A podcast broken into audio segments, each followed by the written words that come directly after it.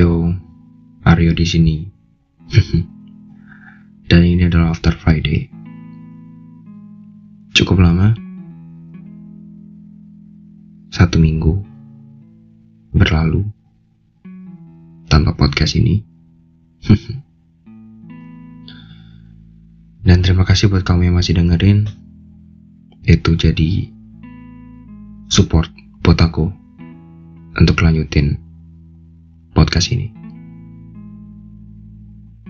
Cukup basa-basinya dan kali ini aku mau ngomongin sesuatu yang berbeda. Berbeda dari beberapa episode yang lalu karena ini kisah nyata juga tapi random dari salah satu pendengar After Friday. Anonim, namanya aku samarin, tempatnya juga biar bisa relate buat kamu yang dengerin cerita ini juga. Jadi, mari kita mulai.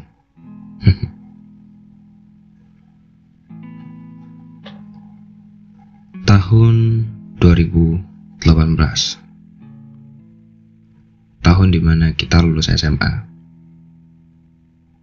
Kita mulai cari tujuan hidup menjadi dewasa. Kita mulai menekunin apa yang kita inginkan. Tapi sebagian dari kita harus ngikutin apa mau orang tua Itulah yang terjadi sama Melati.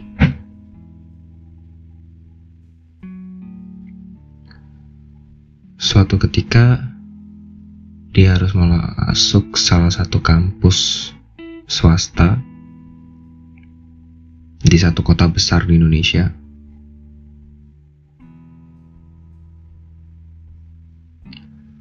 Tanpa alasan apa pun untuk masuk ke kampus ini. So,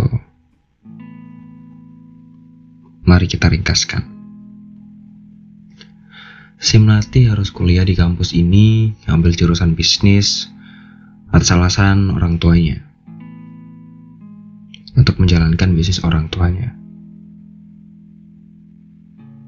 Ya, aku juga mikir mungkin untuk kasih netron di mana kamu orang yang penuh dengan privilege. So uh, you have to ikutin apa mau orang tua kamu untuk melanjutkan legacy dari mereka gitu. But that's real. Nggak semua anak-anak orang kaya pebisnis itu bahagia juga karena bisa jadi mereka hidup di bawah bayang-bayang mimpi orang tuanya. Begitu juga dengan melatih tapi melatih ngelakuin itu dengan bahagia. Dengan senang. It's okay. Ini bukti bentuk bakti dia lah untuk orang tuanya. Toh juga dia kuliah masih dibayarin orang tuanya. Masih di kota yang sama. Masih dengan semua fasilitas yang dikasih sama orang tuanya. So nggak ada ruginya buat dia Masuklah dia ke sekolah ini.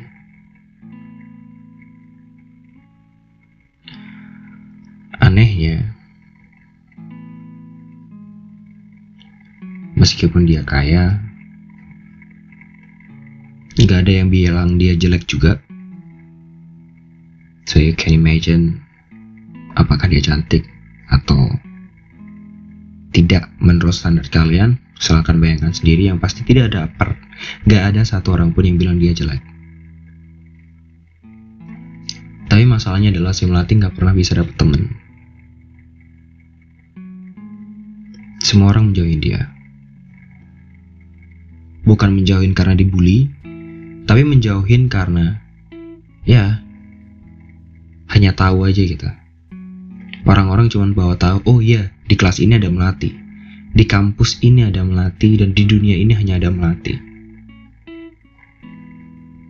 Mereka nggak interest untuk saling mengenal apakah melati suka mata kuliah ini bagaimana latar belakang melati di mana dia sekolah dulu. Nobody's care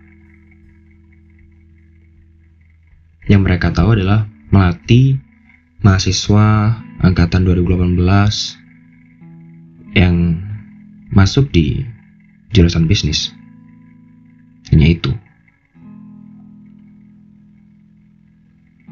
Waktu berjalan semester 1 selesai semester 2 selesai sampai ke semester 3 di mana semuanya berubah buat melatih.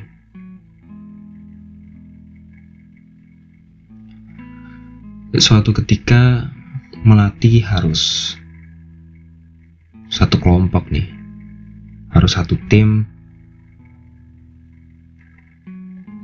dengan satu cowok namanya Angga.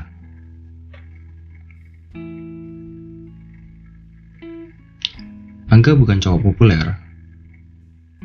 Yang bisa kalian bayangkan akan menarik banyak hati mahasiswi angkatan baru ataupun senior.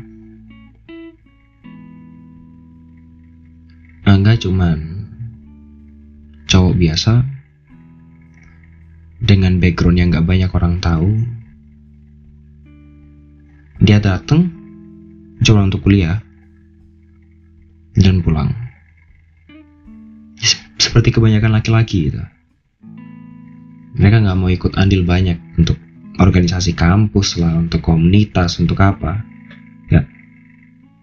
Kuliah, pulang. Itulah Angga.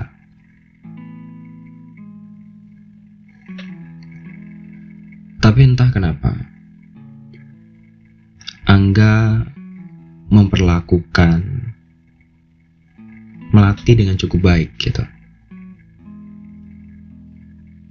sering kasih kabar, antar jemput,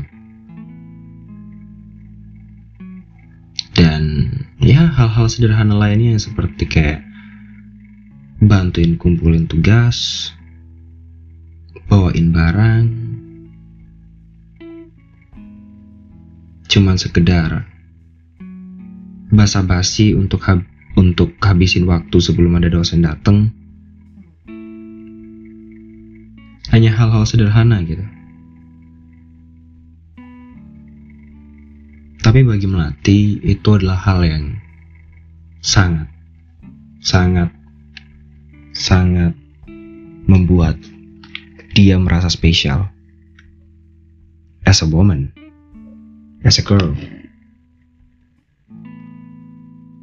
sebagai seorang manusia yang jarang dipedulikan oleh orang lain gitu.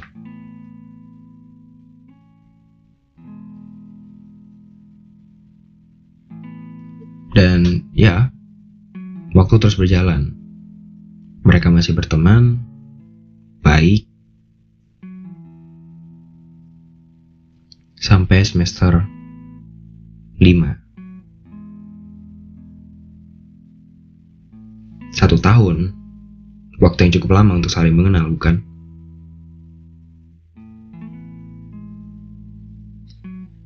Tapi Angga selalu mengatakan ke teman-temannya kalau dia nggak pernah menjalin hubungan gitu. Dia nggak pernah punya pacar dan dia tidak berharap untuk menjalin hubungan percintaan ketika dia lagi menjalankan masa studinya gitu. dan teman-temannya merasa oh wow you're so cool bro keren untuk seorang laki-laki yang bisa konsisten atas pilihannya lambat laun percakapan antara cowok-cowok kampus nyampe ke telinga Melati dan Melati menerima bahwa oke okay, berarti memang dia tidak tidak ada rencana untuk menjalin hubungan gitu. Untuk siapa pun. Bukan berarti ketika nanti Melati memang beneran suka atau Angga beneran suka Melati, mereka mungkin akan berpacaran. Itu jadi nggak? Karena ya Angga berkata, aku nggak mau pacaran dulu. Dan Melati sadar kalau ucapan itu sering kali diucapin Angga setiap kali mereka sedang mencibir teman-temannya yang pacaran di depan umum. Ya, siapa sih yang enggak?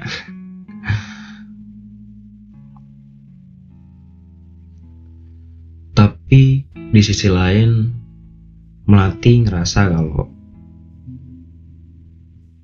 aku merasa terlalu spesial. Aku merasa ada sesuatu yang gak cuma temen antara aku dan Angga.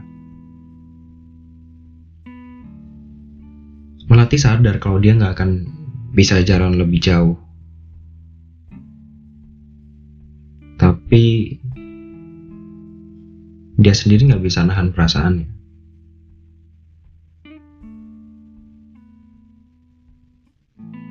Sampai suatu hari melatih dengan berani menyatakan ke Angga. Ga,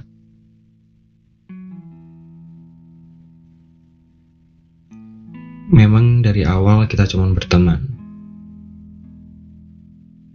Aku pun gak ngerasain hal lain. Dan aku cuma mau kita berteman. Tapi sepanjang jalannya waktu, setahun kita kenal, setahun aku kenal kamu, aku lebih tertarik lagi untuk dekat sama kamu, untuk kenal sama kamu lebih jauh lagi. Ini bukan sebuah permintaan, tapi hanya pernyataan. Aku suka sama kamu, Angga. Akhir ucapan Melati jelas tanpa menatap langsung mata Angga. Melati bilang kalau Angga liatin mati waktu mereka bertemu itu. Angga lihat dengan tatapan ragu campur kecewa bagi Melati. Raut mukanya cukup menjelaskan bahwa itu bukan hal yang diucap yang diharapkan Angga untuk diucapkan Melati di kala sore itu. Sore di mana akhir semester 5 akan berakhir.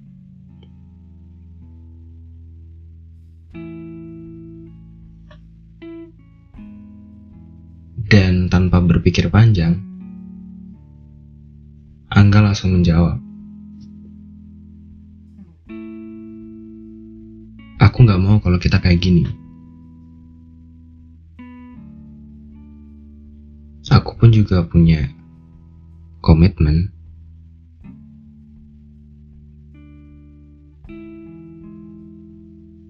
Ini bukan karena aku nggak suka sama kamu, tapi karena memang aku nggak mau pacaran.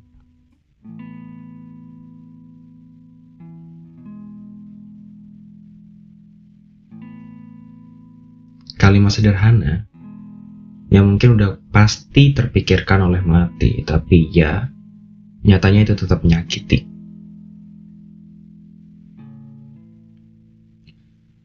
Dan bisa kamu tebak, itu adalah percakapan terakhir mereka setelah satu tahun cukup dekat sebagai teman.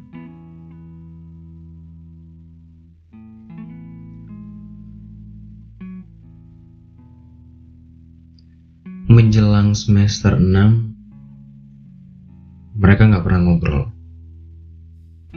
Selama liburan mereka nggak pernah saling kontakan.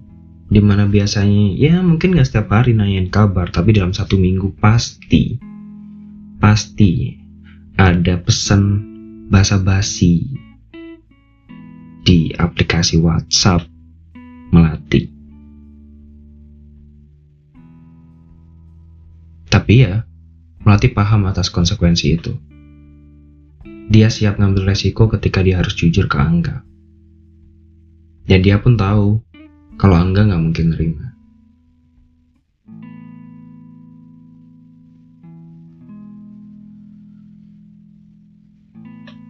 Semester 6 mulai. Mereka masuk lagi sebagai mahasiswa dan mereka masuk lagi sebagai teman sekelas.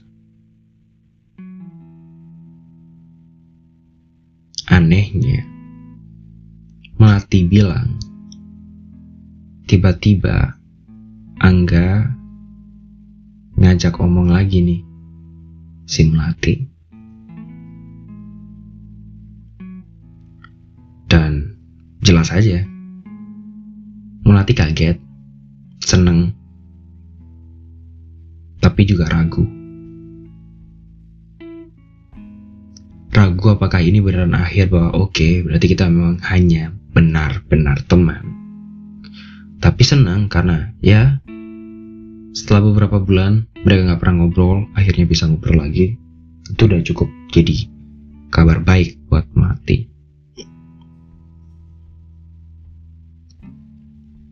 Melati cerita kalau dia suka banget sama si Angga tapi dia nggak pernah punya alasan untuk kenapa aku bisa suka, aku juga nggak tahu.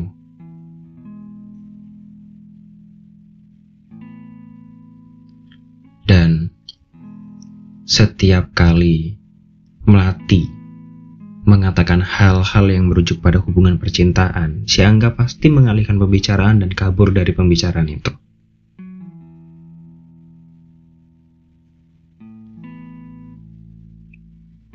Melati sadar kalau mereka memang gak akan pernah bersatu atau mereka menjalin hubungan khusus, tapi Melati akan tetap selalu berharap gitu.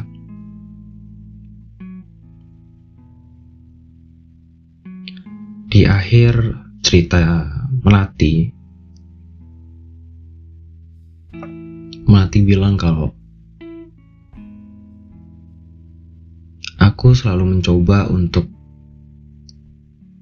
melepaskan. Angga. Tapi setiap kali Angga just say hi, hi Melati. Itu bikin Melati kayak punya harapan baru buat Angga. Dan Melati sampai sekarang masih berusaha untuk melepaskan Angga sayangnya masih belum berhasil. Itulah cerita dari Melati. So, what do you think? Atas, bukan atas ya, tentang cerita cinta yang mungkin pasti kamu alamin atau banyak dari kamu alamin. Cinta bertepuk sebelah tangan. Unik ya nih, kerennya dari Melati. Melati udah pernah jujur kalau dia suka sama Angga, meskipun Angga dengan jelas menolak atas alasan komitmen.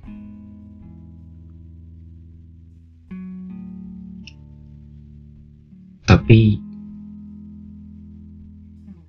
seakan-akan Angga masih memberi harapan untuk melatih.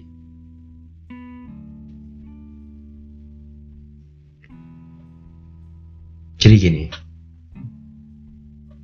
kalau menurut pandanganku ya, ketika kamu mencintai seseorang atau menyukai seseorang atau menyayangi seseorang, mau nggak mau orang itu harus belajar untuk menyayangi kalian juga gitu. Memang aku mempercayai konsep untuk memilih antara disayangi atau menyayangi. Aku tipe memilih untuk disayangi. Tapi ketika aku disayangi, aku punya tanggung jawab untuk belajar menyayangi orang yang sudah lebih dulu menyayangi aku gitu. Paham gak sih? Intinya ada timbal balik gitu. Oke, kita memilih untuk menyayangi. Ya, mau bagaimanapun, orang yang kita sayangi harus belajar untuk menyayangi kita juga. Mungkin gak bisa sepenuhnya. Mungkin kita mencintai dia atau menyayangi dia 100%. Tapi dia harus belajar meskipun harus 20% dulu. 50% dulu. 70% dulu. Baru sampai 100%. Ya cinta butuh waktu. Nggak bisa kayak Indomie yang 5 menit udah jadi.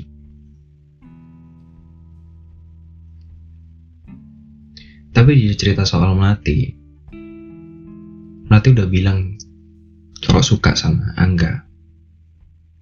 Dan Angga udah jelas ngomong kalau dia nggak mau. Menurutku tuh udah jelas penolakan kan. Jelas bahwa Angga pun tidak memberi kesempatan sekecil apa pun untuk latih.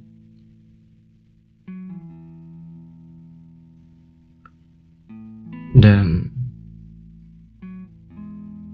melatih harusnya bukan harusnya paham betul atas resiko itu sih dia pun udah paham uh, dia pun udah paham soal resiko bahwa oke okay, mungkin mereka nggak akan berteman lagi atau um, ya mungkin mereka bahkan nggak nggak bisa ketemu lagi karena terlalu canggung tapi buat melatih ketika kamu udah menyatakan cinta atau menyatakan kesukaanmu, kesayanganmu ke seseorang, tapi ternyata orang itu jelas menolak, ya move on.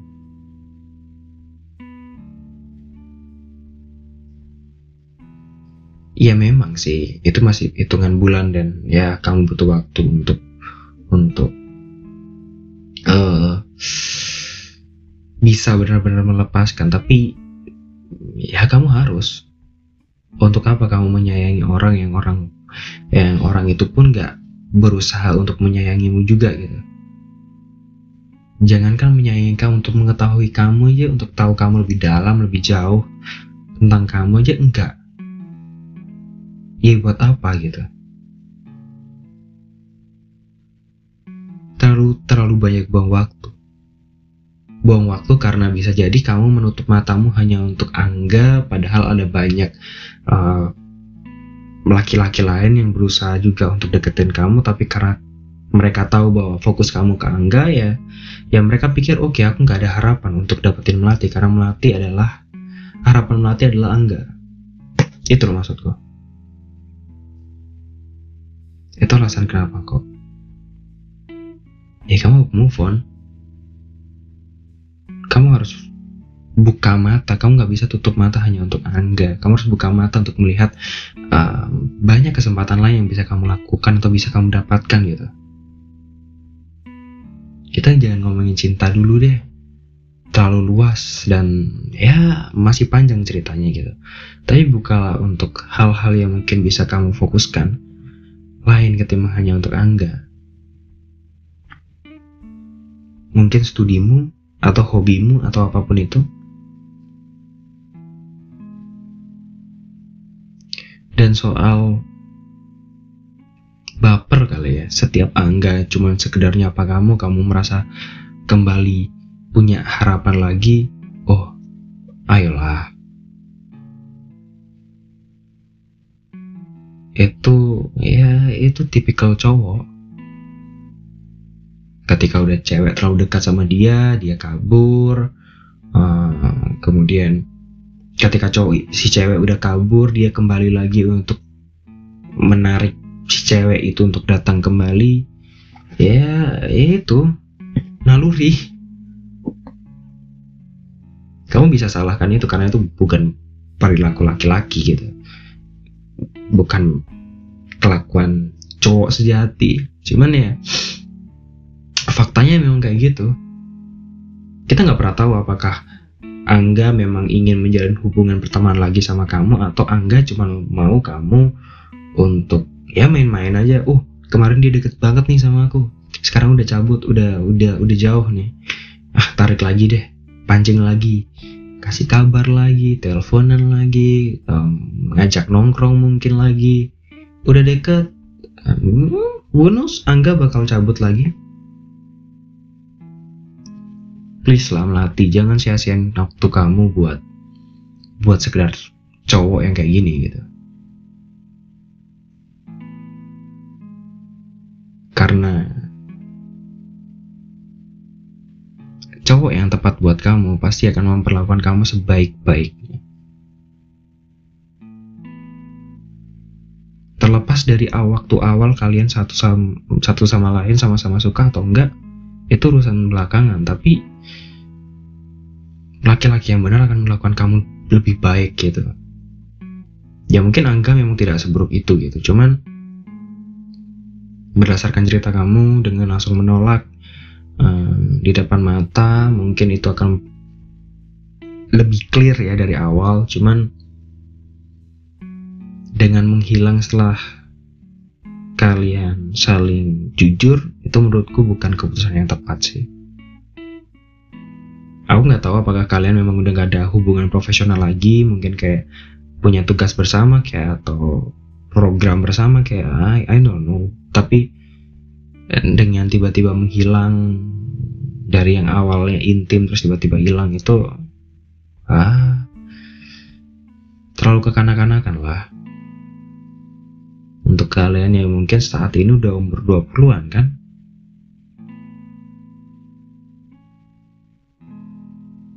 Itu maksudku.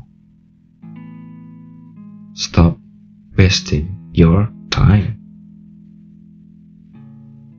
Manfaatkan buat yang lain. Untuk mencari pria lain, laki-laki lain yang mungkin lebih lebih menarik, lebih apa, lebih cerdas atau lebih apa pun dari Angga. Atau uh, fokus saja ke dirimu mampukan dirimu. Ketika kamu lebih berkualitas kamu akan dapat yang jauh lebih keren ketimbang Angga. Percaya deh. Mungkin banyak laki-laki yang justru ngejar kamu ketimbang waktu kamu ngejar Angga gitu